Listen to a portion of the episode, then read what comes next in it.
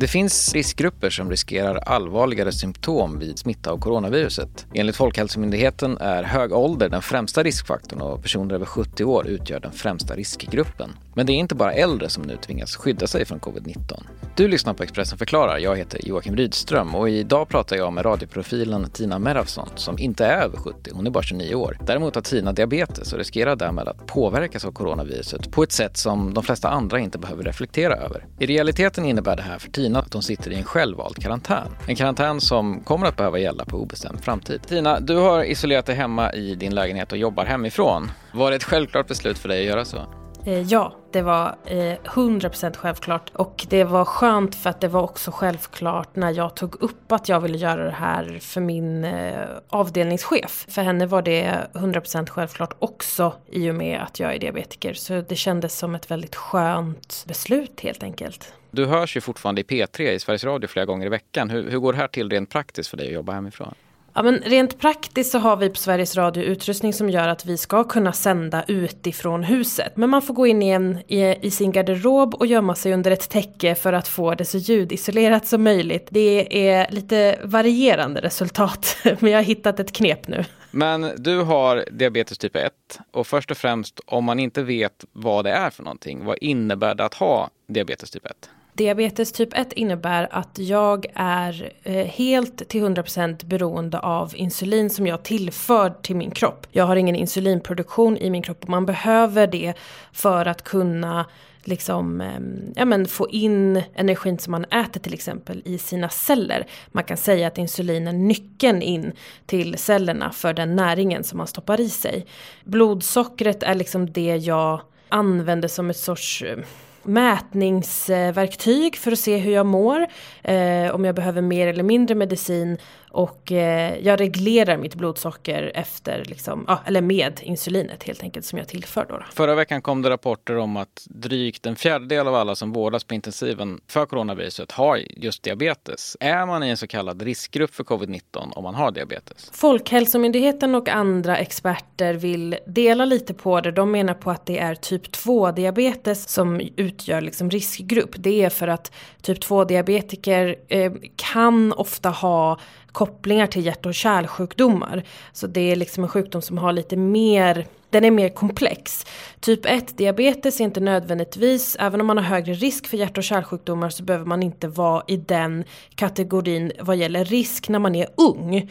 Eh, det här är komplikationer som kan komma vid äldre åldrar förutsatt att man inte har skött sin diabetes under sina yngre dagar. Idag är unga diabetiker ganska, det finns mycket hjälpmedel för att vi ska kunna leva väldigt friska liv. Så att den officiella uttalandet är att nej, diabetiker utgör inte riskgrupp för att bli liksom sjukare av coronaviruset utan man räknar med att vi kanske får milda eh, symptom precis som andra unga friska människor skulle få om de smittas av coronaviruset. Ifall du skulle smittas av covid-19, vad händer då? Det som händer är att eftersom feber är en av de allra vanligaste och mest förekommande symptomen så är det Eh, besvärligt för en diabetiker. När en diabetiker typ 1 eller typ 2 för den delen får eh, feber så blir vi insulinresistenta. Det vill säga vår kropp kan inte ta åt sig av den medicinen vi behöver för att kunna vara friska. Eh, det här på längd kan liksom bidra till en massa problem. Man blir mycket, mycket hängigare. Liksom man orkar, det tar längre tid helt enkelt att tillfriskna. Sen är det också eh, en allvarlig konsekvens av att ha så kallad insulinbrist är någonting som heter ketoacidos, akut insulinbrist. Och det kan vara livshotande, det är svinfarligt om man får det. Sen behöver det också vara väldigt så, ett väldigt dramatiskt förlopp och kanske ett långt förlopp innan man hamnar på den nivån där det blir livshotande. Men man blir väldigt, väldigt sjuk av insulinbrist och ketoacidos alltså. Njurar kan sluta fungera, de finare kärlen i ögon, fingrar, eh, fötter kan också ta skada. Så att eh, det är därför jag som diabetiker absolut inte är liksom okej okay med att eh, med liksom risken att eventuellt smittas av det här viruset. Allra oftast så brukar ju influenser och, som då orsakas av virus brukar allt som oftast gå ganska gå över. Man blir frisk, det är ju klart. Jag kanske blir lite, lite hängigare än en normal frisk person skulle bli. Men efter ett tag så är jag tillbaka på benen. Men det som är obehagligt och det som kanske man saknar och även från experters håll är väl den här eh, ja, men medvetenheten att okej, okay, vi är inte nödvändigtvis risk för att bli extra sjuka av corona men vi är fortfarande i risk för att vi liksom får diabeteskonsekvenser av det här viruset. Och vi vet för lite om viruset för att säga huruvida, ja, men hur hårt eller mindre hårt det här går ut över oss ur diabetessynpunkt. Och det är den medvetenheten som jag personligen tycker saknas när man pratar om det här i, ehm, ja, men i radiosändningar, i tv-sändningar, i presskonferenser och så vidare. Du upplever då att i just det här fallet så finns det lite, det finns missförstånd helt enkelt kring hur själva viruset påverkar den som har diabetes. Missförståndet ligger i att allmänheten inte vet hur virusinfektioner påverkar diabetiker. Så att jag har ju haft vissa vänner och bekanta som har messat mig och sagt Men du, du är inte riskgrupp, Folkhälsomyndigheten har sagt det, det är lugnt. Vi kanske kan ses ute ändå. Varpå jag då behöver förklara det här och det är ingen fara, jag gör gärna det.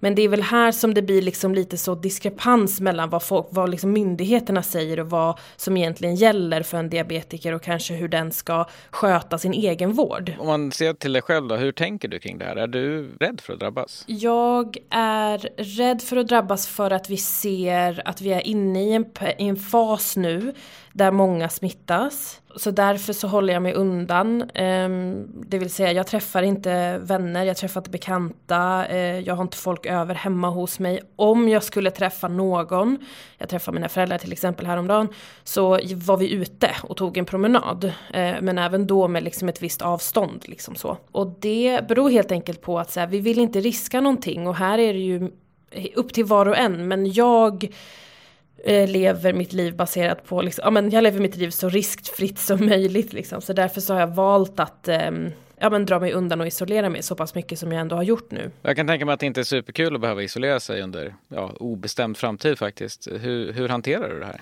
Det går upp och ner kan man säga. Eh, vissa dagar är lättare än andra. Jag är glad att jag har ett jobb som håller mig sysselsatt, att jag kan vara sysselsatt och göra mitt jobb hemifrån. Ehm, rent socialt så, har, så måste jag också säga att det är fantastiskt att vi ändå har verktyg så att man kan kommunicera med varandra väldigt enkelt. Så att man också kan se varandra väldigt enkelt. Familj och vänner och sådär. Ehm, och där har verkligen alla i min omgivning steppat upp sitt game ordentligt. Så att det är mycket eh, videosamtalsmiddagar och eh, telefondejt hade jag härom, härom kvällen också. Så att eh, man får lösa det bäst man kan. Men det är klart, det tär på en. Det tär på ens um, själ. Liksom. Att inte få vara med sina nära och kära typ. Och att inte bara, ja men inte vet jag, gå ut och ta en bit mat med sina polare en fredag. Det saknar jag. Men jag vet också att det är klart att det kommer ju hända. Det är ju, det, inom en snar framtid kommer jag kunna göra det här igen. Du har lyssnat på Expressen förklarar, en podd där vi i varje avsnitt fördjupar ett specifikt ämne i nyhetsflödet. Lyssna gärna på något av våra tidigare avsnitt med bland andra Karolina Skoglund som berättar om läkarnas och sköterskornas kamp mot coronaviruset på våra svenska sjukhus. Eller med professor Agnes Wold som berättar om hur man bör tänka för att inte smittas av coronaviruset. Och du kan förstås eh, även följa Expressens nyhetsbevakning dygnet runt på Expressen.se, i vår app eller i Expressen TV.